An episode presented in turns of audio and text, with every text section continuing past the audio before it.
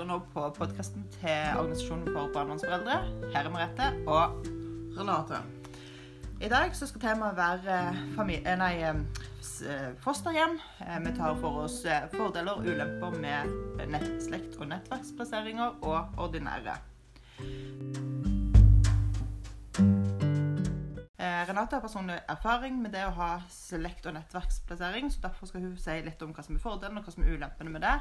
Men som organisasjon så er vi i utgangspunktet for at det skal være slekt- og nettverksplassering. Det skal i hvert fall undersøkes først. Men så vet vi at det er noen ulemper med den, vel, eh, den løsningen òg. Ja, det begynte jo trasig. Eh, det begynte jo med at jeg ikke skulle få feire jul med familien min. For hun var nettverksplassert hos min tante og onkel. Eh, jeg skulle ikke få feire jul hos min mor, som meg og tante og onkel har gjort hvert år siden jeg var liten. Eh, sånn at det var vel det vanskeligste. Men når da heldigvis barnevernstjenesten hørte etter på både meg og tante og mamma, så fikk vi feire jul alle sammen. Sånn at hadde det ikke vært for vi alle tre hadde den samme historien, hadde de samme meningene og synspunktene, så tror jeg ikke at da jeg hadde fått lov å feire jul med jentungen. Nei, og det var ikke noe du hadde fått beskjed om i forkant, Nei, når nei, du da gikk for familieplassering, at dette er en konsekvens, at du Nei. kanskje ikke kan feire jul med familien. Aldri. Aldri vært snakk om. Hvis du hadde visst det på forhånd, hadde du tatt det samme valget? Ja. Du hadde det, ja? ja. Ja. Kanskje noen Eh, ikke ville gjort det? Noen ville, men jeg er jo såpass heldig at jeg har mamma og far. Og så har jeg pappa og mor. Så jeg har heldigvis to familier. Ja. Eh, mamma er gift på ny, pappa er ny samboer. Så det er liksom Så du ville ikke stått helt alene, sånn som kanskje mange andre barnevernsforeldre gjør, i og med at de har litt lite nettverk? absolutt ikke. Nei. Jeg, eh, jeg kunne godt feiret jul hos naboen om det så var. Ja. Eh, eller ei venninne, eller u, Altså, jeg hadde aldri blitt sittende alene på julaften, men det er jo ikke for å feire der du feirer jul i alle år, Ja, som er en tradisjon. så, som både er tradisjonsrikt, som er Trygt og godt. Og, det vante, den vante Ja. ribba. Ribba til mamma. Det blir ikke jul uten ribba til mamma. nei. Nei, for hvis jeg skulle ført jul hos pappa, så måtte jeg spise poteter, for jeg spiser ikke pinnekjøttet. Sant? Så det der er jo ulemper og fordeler med alt. Absolutt. Um, men, men når hun ble plassert, så sto jeg veldig på for å få henne plassert hos min tante og onkel, for hun hadde vært hos dem i besøkshjem ifra hun var ett år. Ei helg i måneden. Ja. Sånn at da hadde hun allerede vært på Maldivene med dem. Hun Ja, hadde ei uke på Maldivene. Hun hadde vært 14 dager på kjøretur i Østerrike og Italia. Hun hadde vært langhelg i Kardemommeby. Sånn, de, de hadde hatt kjøreturer opp gjennom Norge. Altså, det var ikke noe som var Ukjent og fremmed med de? Nei. Nei. Og iallfall ikke for jeg var der jo sjøl nesten ei helg i måneden Ja. under egen oppvekst. Men så tenker vi òg sånn at eh, julaften er jo en dag der selv om barnet bor plassert i familien, så bør òg foreldre bli inkludert i det. For Ja. det, det skal jo ganske mye til, tenker vi, for at foreldre ikke skal være i stand til å kunne feire fire timer sammen med familien, og så reise igjen etterpå. Ja. Eh, det som var mest Altså, det som sto mest på der og da, det var jo det at eh, vi skulle lage Etter både meg og tante og mamma hadde fått snakket med barnevernstjenesten, så fikk vi òg det at vi, skulle lage alle samvær mest mulig normale for jentungen. Ja. Og da Ja, sier jeg, men da er det jo det mest normale at alle er hos mamma som vanlig. Ja. Er, er far på jobb, så er han Da er han på jobb, for han reiser I Nordsjøen, i, eller? i Nordsjøen Ja. eller andre oljeplattformer eller rigger eller Så det er liksom Han har vi klart dere noen år uten Ikke sant? innimellom. Ja. Men sånn er det visst. Ja. Men så er det jo også sånn at det er noen som har eh, familieplasserte barn, opplever jo òg at de får mye mer samvær enn andre. Mm. Eh, jeg har ikke hatt samvær med min jente. For vi har gjort det sånn til å begynne med at da, hun Vi hadde alle familie... Og vi feirer alle familiebursdager. Og det sier jeg med litt sånn åh i stemmen, for det der er mange. Det er sinnssykt mange bursdager, men vi feirer de nå iallfall. Og det er kake og smørbrød og middag og you name it. Og en vanvittig fin mulighet til å treffe de som du Mhm. har sett siden forrige bursdag sist måned. Eller uka før. Eller uka før. Og, men vi har jo da alle bursdagene samla i januar og februar. Og i juni-juli. Ja. Så heldigvis nå, etter hvert som mine søsken òg får unger, så har de òg begynt å plante seg litt sånn Spre de litt utover. Ja, iallfall eh, April og Nei, mars og, og oktober. Så der har det iallfall kommet en hver. Ja. Så det der er liksom Det med, med, med samvær, så har vi jo meg og tante har jo alltid reist på Gladmaten sammen. Det har vi jo fortsatt med. Med tradisjoner med å gå på Julabyen i Egersund. Den har vi fortsatt med.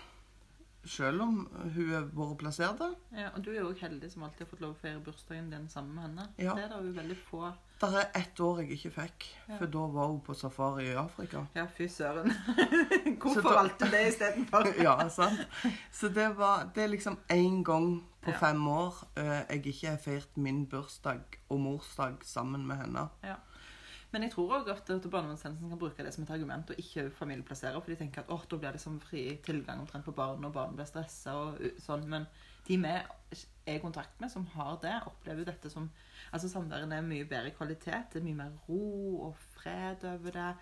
Eh, for- Fosterforeldrene kjenner jo da moren og barnet, sånn at det blir liksom helt annerledes. Ja, eh, nå har jo Jeg har jo òg, siden hun flytta i fosterhjem Eller når de fikk henne i fosterhjem, så kjøpte de ei hytte på Sørlandet, sånn at de skulle ha noe å, å reise til og kunne ha noe å gjøre i helgene. Eller ferier. Og det har jo blitt litt sånn Med påske, da, da er mamma med. Og Ja. i De har jo Skalldyrfestival i Mandal, så da har jeg pleid å være med den helga. Den har vært sånn at da, jeg får to helger i, år, i året der jeg er med på hytta. Og det er sånn type gammel hytte Altså det er hytte-hytte. Mm. Um. Det er innlagt strøm, men det er det. ja. Koselig. Ja, det er litt vann òg, men det er ikke det er ikke ra de rare fasilitetene. Og det er dobbeltdekker do, så det er ganske festlig når vi sitter der begge to. Oh, ja. ja. Ja, For det har vi jo måttet teste. Ja, ikke sant? Det forstår jeg godt. Det er viktig. Men uh, utover det så er det jo vært sånn at hun har ringt meg når hun har vilt. Hun har tatt kontakt. Hun går på dans i byen. Jeg bor i byen, et par minutter unna der hun går på dans. Så hun har ofte kommet for å trenge vann, do, penger. Er helt normalt ut. Høres helt normalt ut for ei som snart er 14. Så det um, Det er liksom Det har vært veldig greit. Ja. Eh, har jeg lurt på noe, så kan jeg sende en tekstmelding til tante eh, eller ringe. Ja. Har jeg lyst til å snakke med henne og spørre henne om noe, så kan jeg ringe og spørre hvordan det går. Men hun er òg veld, veldig flink til å ringe meg. Ja. Men så har jo du et barn til som ikke er familieplassert. Mm. Og der er jo ordningen litt annerledes. I hvert fall i starten så var den jo veldig Ja. strikse. Eh, til å begynne med så hadde jeg to samvær i året, tre timer med tilsyn. That's it. Dette er jo da et ordinært fosterhjem. Ja. Um, og så gikk det et år. Så tok jeg saken opp på ny. Uh, og så Da fikk jeg tre ganger i året av tre timer i fylkesnemnda. Barnevernstjenesten anka det til tingretten. Jeg anka det til tingretten. I tingretten fikk jeg tre ganger i året på fem timer. Dette var da i fjor, altså 20, 2019. Oh, ja, ja. Eller jeg fikk dommen i 2019. Ja. Jeg var jo i tingretten i desember. Ja, stemmer det. Og så fikk jeg dommen i, i februar, og da hadde jeg fått opp Da hadde tingretten satte opp med to timer i forhold til det fylkesnemnda sa. Ja. Uh, og så har jeg hatt et år med det. Så I januar i år så skrev meg advokaten en søknad om å få økt samværet. Eh, jeg måtte jo gå ut høyt. Det var jeg jo nødt til før. Med tanke på at jeg har Hva tre mener du med høyt? Nei, tolv helger i året. Ja, fantastisk. Går du ut litt høyt, Så, Så- så- så må vi jo møtes litt mer enn til tre samvær i året. Ja. Eh, og jeg har òg med meg hun eldste på mine samvær. Sånn at de får sitt søskensamvær. For det legger ikke barnevernstjenesten opp til utenom Nei. de da. Nei, sånn at du får ikke det i tillegg, liksom. Eller barna får ikke møte hverandre uten mor. Det alltid med Ja. dere mamma. Eh, og det er jo òg med at faren til hun som bor i ordinært fosterhjem, han har flere unger. Ja. Som òg gjør at han må ta dem med på de samværene han har. Ja. Så det var litt for å likestille oss. Ja. Mm. Eh, og så fikk jeg en undersøkelsessak. Og den første undersøkelsessaken jeg har vært gjennom siden 2014. Så den hadde jeg nå i vår. Ja. Så det var jo ganske spennende å se hvordan en undersøkelsessak faktisk skal gjennomføres. ja, ikke sant? For det hadde du ikke opplevd helt etter boka Nei. før? Nei. Ikke siden 2014. Når de, Ja, var den en god undersøkelse? Det var jo rett før omsorgsovertakelsen, Ja. så det Men uh, han kan jo være grundig for dem ikke Ja, han var, han var, han var mer grundig holdt jeg på å si, den i 2014. Ok. Men denne gangen ble alle ledd holdt. Det gjorde han ikke tilbake da. Nei. Men det er jo noe vi kan snakke om en annen gang. Ja. Virkelig. Ja, Ja. eh, men, men eh, nå hadde jeg en undersøkelse, og saksbehandler og teamleder hadde diskutert dette og, kom fra, og snakket med jentungen, og de kom fram til at seks ganger i året, fem timer, ble liksom Det er så nydelig. Så det ble dobbelt opp. Um, så det, det var jo veldig gledelig, og det var Nå nærmer jo de seg lite grann sånn, Ja. i antall. Det har jo vært ganske stor forskjell før, så nå blir det jo litt mer utjevna. Ja, altså Prosentmessig så er jeg jo 150 mer enn jeg starta på. Så det, Ja, for det er jo noe vi har snakket om tidligere med deg, at da, eh, når den ene har så fri tilgang på deg, og den andre har så begrensa, så når den på en måte vokser til og så ser på bilder og tilbake i tid, så, og vil kanskje det bli veldig tydelig, da, at, at du er på masse bilder i den ene mm, eh, barnet sitt liv, og så ikke så mange i den andre. At det kan være en sånn vond følelse, eller at en føler seg litt utenfor. og Jeg hø- hø- hører liksom ikke til noen sted. sånn at uh, nå hadde vi På grunn av korona som var, så har vi jo da tatt uh, Da hadde vi jo ekstrasamvær til og med via uh, Skype. Ja. Sånn at ingenting skulle utgå, vi skulle bare få det i tillegg. Sånn at det har vært mye Det har vært mye planlegging eh, bak i kulissene i forhold til å få ting til.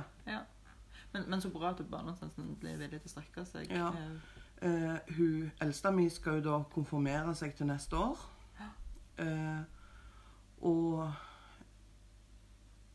heldigvis så går ikke det på samvær. Det at hun minste får lov å komme i konfirmasjonen. ja. Eh, Det skulle jo nesten bare mangle, men jeg forstår at det er en gledens dag. For det er jo ikke alle som bare får sånne Nei. ekstra samvær. Så det, men det burde jo vært sånn. For det er jo ikke en, en dag med veldig ofte kvalitet. Det er jo ofte masse er mennesker og mat og mye som skal skje, og en får ikke den der en, du skal ha gode praten Nei. med barnet når det er så mange som skal ta og føle på, kjenne litt og hilse litt og snakke litt. Ja. Så det Så, det, så det skal bli herlig Ja. å få Ja, Vi har jo snakket en del med foreldre som opplever at uh, både at de mister på en måte den ene i familien som de Mm. kanskje har hatt uh, både en god relasjon til og tillit til, og at de blir på en måte stengt ute fra familiehøytider, og at det kan være ekstremt vanskelig. Um, mange barnevernsforeldre har jo veldig lite nettverk. Så det å plassere barnet altså Hvis en må velge da mellom skal barnet bo hos noen de er trygge på, eller skal mor eller far miste den eneste som er der for dem, Mm. så er jo det en vanskelig avveining, og barnet bør jo vinne i de aller fleste tilfeller, og så får en heller pakke foreldrene i andre type ja, relasjoner. Um, men det Jeg ville gått for familieplassering i nesten alle situasjoner. Men vi har jo òg vært i kontakt med noen der det ikke har vært bra i det hele tatt. Mm. Der det har vært langvarig konflikt i familien, kanskje i forkant av eh, eh, omsorgsovertakelsen. Det er kanskje til og med den som melder saken, som blir den barnet skal bo hos. Eh, det kan bli mye sjalusi, det kan bli masse intriger pga. var det derfor du meldte, for du ønska barna mine. Altså, sant? Så, eh, så det er jo ikke alltid at det er en god løsning. Um, og det er jo kanskje derfor at i forkant av familieplassering kunne vært lurt å ha familieråd som kunne avdekke noen av disse konfliktene eller vanskelighetene. For da får jo barnevernstjenesten et godt innblikk i er den familien i stand til å samarbeide eller ikke. Hva vil eh, Altså Det for et barn å stå midt imellom en lojalitetskonflikt mellom mamma, tante, onkel og besteforeldre, jeg- tror ikke det er noen sånn ønskelig situasjon. Så i de situasjonene ville det kanskje vært bedre å flytte barnet ut av familien Ja, enn å plassere midt i en sånn. Absolutt. Ja, for jeg har jo hatt eh, barna mine plassert i to fosterhjem. Ingen av de var familie eller slekt. Um, men det var likevel to veldig forskjellige fosterhjem. Jeg opplevde at eh, det første fosterhjemmet de flytta til, eh, var veldig lite inkluderende. Um, det var lite vilje egentlig til å bli kjent med meg.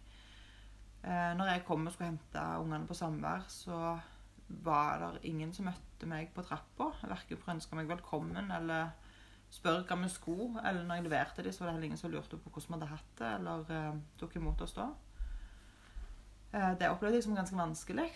Eh, jeg opplevde at eh, fosterforeldrene, særlig fostermor, syntes at jeg var vanskelig å forholde meg til. Eh, jeg tror nok hun så på meg som en trussel i hennes eh, situasjon. Ungene mine var jo ganske store når de havna der, da, åtte og tolv. Um, men allikevel så, så opplevde jeg at hun syntes at jeg var en trussel, og derfor måtte hun holde meg litt på avstand, rett og slett. Men kan det ha noe med informasjonen hun kan ha fått i forkant av plasseringen? Konklusjonen min i ettertid er, har landa litt på det. fordi at jeg husker i starten, liksom før barna flytta der, så var jeg jo på sånn møte eller besøk hjemme hos de, og da var de veldig sånn at å ja, jeg skulle få være med på søndagsturer i skogen og middager, det var ikke måte på. Og så skjedde det et eller annet mellom det besøket og første gangen jeg skulle besøke barna etter at jeg hadde levert de hos deg. Så det, når jeg bare leverte de, så var jeg ikke inne. Men når jeg skulle komme på besøk første gangen, da var det veldig stivt og annerledes. Eh, og da hadde barnevernstjenesten informert fosterhjemmet om at, eh, at jeg eh, sleit med rusproblematikk, og at jeg ikke kom til å være til stede for barna mine da. Eh, sånn at mange av de avgjørelsene de skulle ta i livet, ville bli eh, opp til de, og ikke eh, noe de måtte samhandle med fram med meg. Men det, det var jo for tidlig tidspunkt at de da Men jeg, jeg tror at bare denne rushistorien gjorde at de ikke ville ha meg inn i hjemmet sitt. De var liksom redd for kanskje jeg skulle robbe de eller uh, legge igjen jeg, jeg vet ikke. Det, det var liksom det, Plutselig så var det veldig kaldt. Eh, og der bor de jo ganske lenge. Eh, to og et halvt år eh, bor de der. Jeg er, for, jeg er for så vidt veldig glad den, den dagen jeg får vite at de skal få, få lov å flytte sammen. Eh, og bare det å få den beskjeden så gjorde egentlig at jeg glemte alt annet. For det var så viktig. Det var så viktig for meg at de fikk lov å bo i sammen. For de hadde vært sammen hele livet. Og for meg er ikke de halvsøsken. De er så hele som det går an å bli. Eh, og så eh, Så dør fosterfar i ei ulykke som gjør at han De eh, må flytte derifra. Og det gjør de i desember eh, 2012. Og da eh, Da flytter mellomste i et fosterhjem som eh, er noe av det mest fantastiske menneskene jeg har møtt. De er rause, de er sensitive, de er inkluderende. De er trygge i sin rolle som fosterforeldre, og derfor er det ikke noe usikkerhet. Um, når jeg fikk vite at hun som skulle være fostermor, jobbet i barnevernstjenesten, så datt jo haka mi nesten i gulvet. Men eh, et flottere menneske, det skal du lete lenge etter. Hun er Ja. De var, det var to flotte foreldre, begge to. Hvordan de tok vare på min datter, hvordan de inkluderte meg og far til barnet, eh, morfar og besteforeldre på begge sider, de andre barna mine. De var utrolig inkluderende. Eh, jeg kunne nesten aldri komme innom og hente henne eller levere henne uten at 'Kom igjen, inn på kaffe. Vi har akkurat spist. der er litt mat.' Det var liksom alltid noe. Eh, og det var stikk motsatt av det jeg opplevde i det andre fosterhjemmet. Noe som forteller meg at all skyld lå ikke hos meg i den vanskelige relasjonen som var i det første fosterhjemmet. Og det var en ganske viktig trygghet for meg å få at det ikke bare var min feil. For det, jeg tenkte jo det i mange år. at Hva er det som gjør at jeg ikke får dette til? Og så møter jeg bare disse fantastiske menneskene, og så bare går det så lett. Det var jo noen sånne humper i veien der òg, men, men det var det var en vilje i begge leirer til at dette skal vi få til. Vi, liksom, vi driver med co-parenting. Det var fosterfamilien, og det var meg og far. Ikke sammen, men på hver vår side som skulle gjøre det beste for henne. Og det Det er to helt forskjellige opplevelser, både for meg og barnet. Jeg vet liksom hvor mye bedre hun trivdes der. Hun hadde et savn etter det når hun flytta derifra, for de hadde jo tross alt vært der for henne i, i de åra hun bodde der. Eh, Hun bodde der i litt over halvannet år. Men Eh. beholdt ikke hun kontakten med dem? Jo da, altså når hun flytta hjem, så hadde hun samvær med de i 18-19 måneder. Etterpå ca. ei helg i måneden. Um, og jeg har fremdeles kontakt med dem, sånn, ikke så ofte som før, selvfølgelig, men eh, helt fram til 2018, fire år etter at du flytta, så var det fremdeles julepresanger og bursdagspresanger og sånne type ting. Um, men, men det har det jo ikke vært nå. Um, så jeg er evig takknemlig for at eh, de fosterforeldrene valgte å ta til seg et nytt fosterbarn når, når vi flytter. For det er jo det som på en måte jeg tenker er en fin ting. At når noen fosterforeldre virkelig fungerer og har absolutt de kvalitetene som skal til, så er det viktig å bruke de om igjen istedenfor at de skal på en måte bare ramme inn de barna som bor der, og bare beholde de til de er voksne og helst enda lenger. Og så skal det ikke være plass til liksom, å ta vare på noen andre barn. For disse hadde mye å gi til veldig mange, og det er en gode i samfunnet. Absolutt. Um, og det, jeg, eh, vi har jo ganske mange andre, både medlemmer og, og med, men foreldre vi er i kontakt med, som har forskjellige typer fosterhjem. Og Ja. kan si ganske mye forskjellig om hvordan de fungerer. Eh, og vi tenker jo òg at um, samværsutmålinger eller fastsettelsen av samvær òg kan ha litt å si med hvordan relasjon vi får til de. Ja. Eh, for, for sånn som du som har hatt eh, liksom samvær med, med barnet ditt litt sånn uten eh, noe veldig restriksjoner, Mm. nesten at hun har hatt frie tilgang på deg, eh, og jeg som hadde månedlig samvær, det, det er jo noe helt annet enn å oppleve lite kontakt, for dette da blir på en måte frykten for at fosterforeldrene skal erstatte deg fullstendig, den er jo helt annerledes om du ser barnet to ganger i året eller tolv ganger i året. Ja. For da har liksom du litt å si. Eh, Du, har, du kjenner barnet, du må ikke begynne på ny hver gang, sånn som du må hvis du bare ser det to ganger i året. Nei. Eh, Du kan liksom ta opp tråden fra sist, for det er ikke så uhorvelig lenge siden. Nei. Og der føler jeg iallfall For jeg ba jo barnevernstjenesten om Før samvær så vil jeg ha god informasjon. Eh, jeg vil ha god informasjon om eh, ungen, hva hun gjør, hva hun har gjort. Hva, er det noe de nettopp har gjort som vi kan snakke om på samvær? Er det, eh, altså, i for, jeg, Det var jo ikke noe veiledning å få. sånn at da, måtte jeg jo Da kunne de iallfall gi meg noe informasjon. Ja. Eh, og det kjenner jeg at det trenger Nå når det bare er to måneder siden sist jeg så henne, så kjenner jeg jo det at i, en unge sitt liv så er to måneder kjempelenge. Eh, Ja. Tross alt. Det er Det, er jo over, det er over, over 60 dager. Det er lenge. Det er kjempelenge. Det er mange noter det. Så da har du liksom eh, Allikevel nå må jeg ha litt informasjon. Hva har skjedd siden sist? Mm. Men jeg har òg fått en bedre dialog med fostermor. Og jeg må jo si at hun er jo litt mi, hun òg. Ja. Ja. Jeg har jo blitt ve veldig glad i den dama eh, som ivaretar mi jente. Og så sitter det ganske mange foreldre der ute og er skikkelig frustrerte over de fosterforeldrene som ivaretar, eller som de kanskje ikke syns til og med Ja. blir så godt ivaretatt. Og hvis vi skulle gitt noen gode råd til de som kjenner at dette her er så vanskelig Jeg klarer bare ikke å akseptere at dette mennesket eller den familien skal ivareta mitt barn. Hva, hva, hva, hva ville du gitt til råd ut ifra din situasjon? Skal vi gi samme rådet til både foreldre og fosterforeldre, så er det vær raus. Ja. På grunn av at det, nytter ikke bare at fosterforeldrene skal være rause. Vi som foreldre må òg være rause. Vi må ha respekt for fosterforeldrene hvis fosterforeldrene skal ha respekt for oss. Ja. Altså Ikke forvent mer av dem enn det du kan gi sjøl. Nei, og det er jo sant. Jeg òg tenker at det å være raus er kanskje det aller viktigste. Men, men allikevel så er det jo sånn at en, kan ikke komme helt unna at fosterforeldrene er i en annen situasjon. Sant? De har fått det der godkjentstempelet. Ja. De får masse penger i måneden eh, for å ivareta et barn. Og kanskje økonomi var en av de medvirkende årsakene til at barnet ble flytta. Ja. Kjempesår, ikke sant? Og så har du òg kanskje fosterfamilien får masse avlastning, de får masse tiltak og hjelp. Og så satt vi der og ville ha tiltak og hjelp og avlastning, og kunne ikke få det. Og så ble barnet Så balansen er jo på en måte Eller ubalansen er jo ekstremt til stede. ja, men der igjen så er ikke det fosterforeldrene sin feil.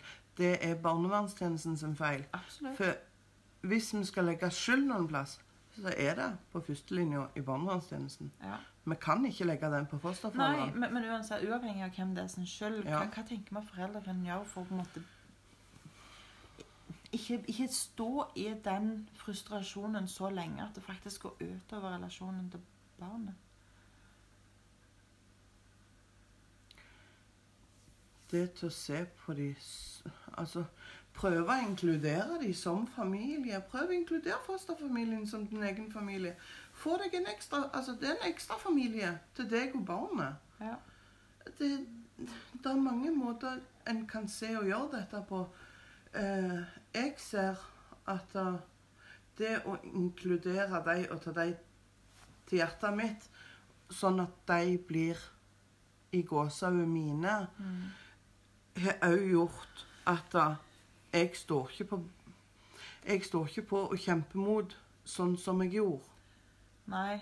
Nei, det høres jo veldig logisk ut. For jeg, når jeg ser liksom de to fosterfamiliene opp mot en annen Mm. Fosterfamilie nummer én Jeg klarer aldri å si jeg er glad i dem eller bryr meg om dem. For de hadde meg så på avstand. De ville Ja. ikke slippe meg inn. Mens fosterhjem nummer to de har jeg sluppet inn i hjertet mitt for lenge siden. Og er kjempeglad i dem og ville blitt fryktelig trist hvis jeg ikke skulle ha noe mer med dem å gjøre. Og det vil jo eller For meg betyr jo det òg at fosterhjem 1 Jeg ville synes det var mye vanskeligere hvis min datter kom hjem og sa jeg er veldig glad i fostermor. Mm. Det hadde gjort vondt, fordi at hun ville jo ikke akseptere meg. Men så hadde, hadde min datter sagt jeg, jeg er veldig glad i fostermor nummer to, så hadde hjertet mitt smelta av glede. Mm. Fordi at de ville jo ha meg òg. Så det gjorde liksom ikke noe. Jeg så ikke på henne som en trussel.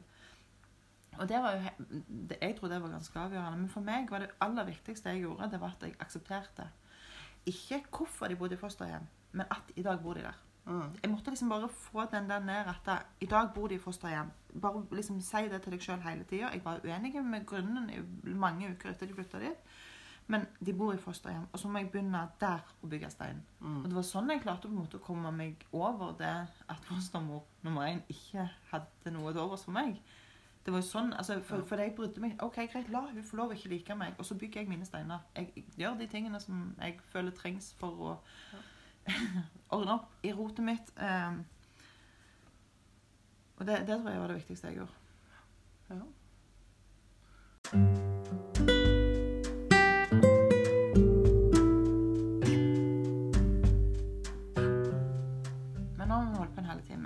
Avslutte. ja. Ja. Hvis det er noen har noen spørsmål eller noen tanker, eller noe sånt, så er det kjempefint om dere legger igjen en beskjed. Eller sender oss en melding. Vi har eh, websider, vi har Facebook-sider, vi har Twitter, vi har Snap og Instagram. Ta gjerne kontakt, og så høres vi snart igjen. Ha det bra.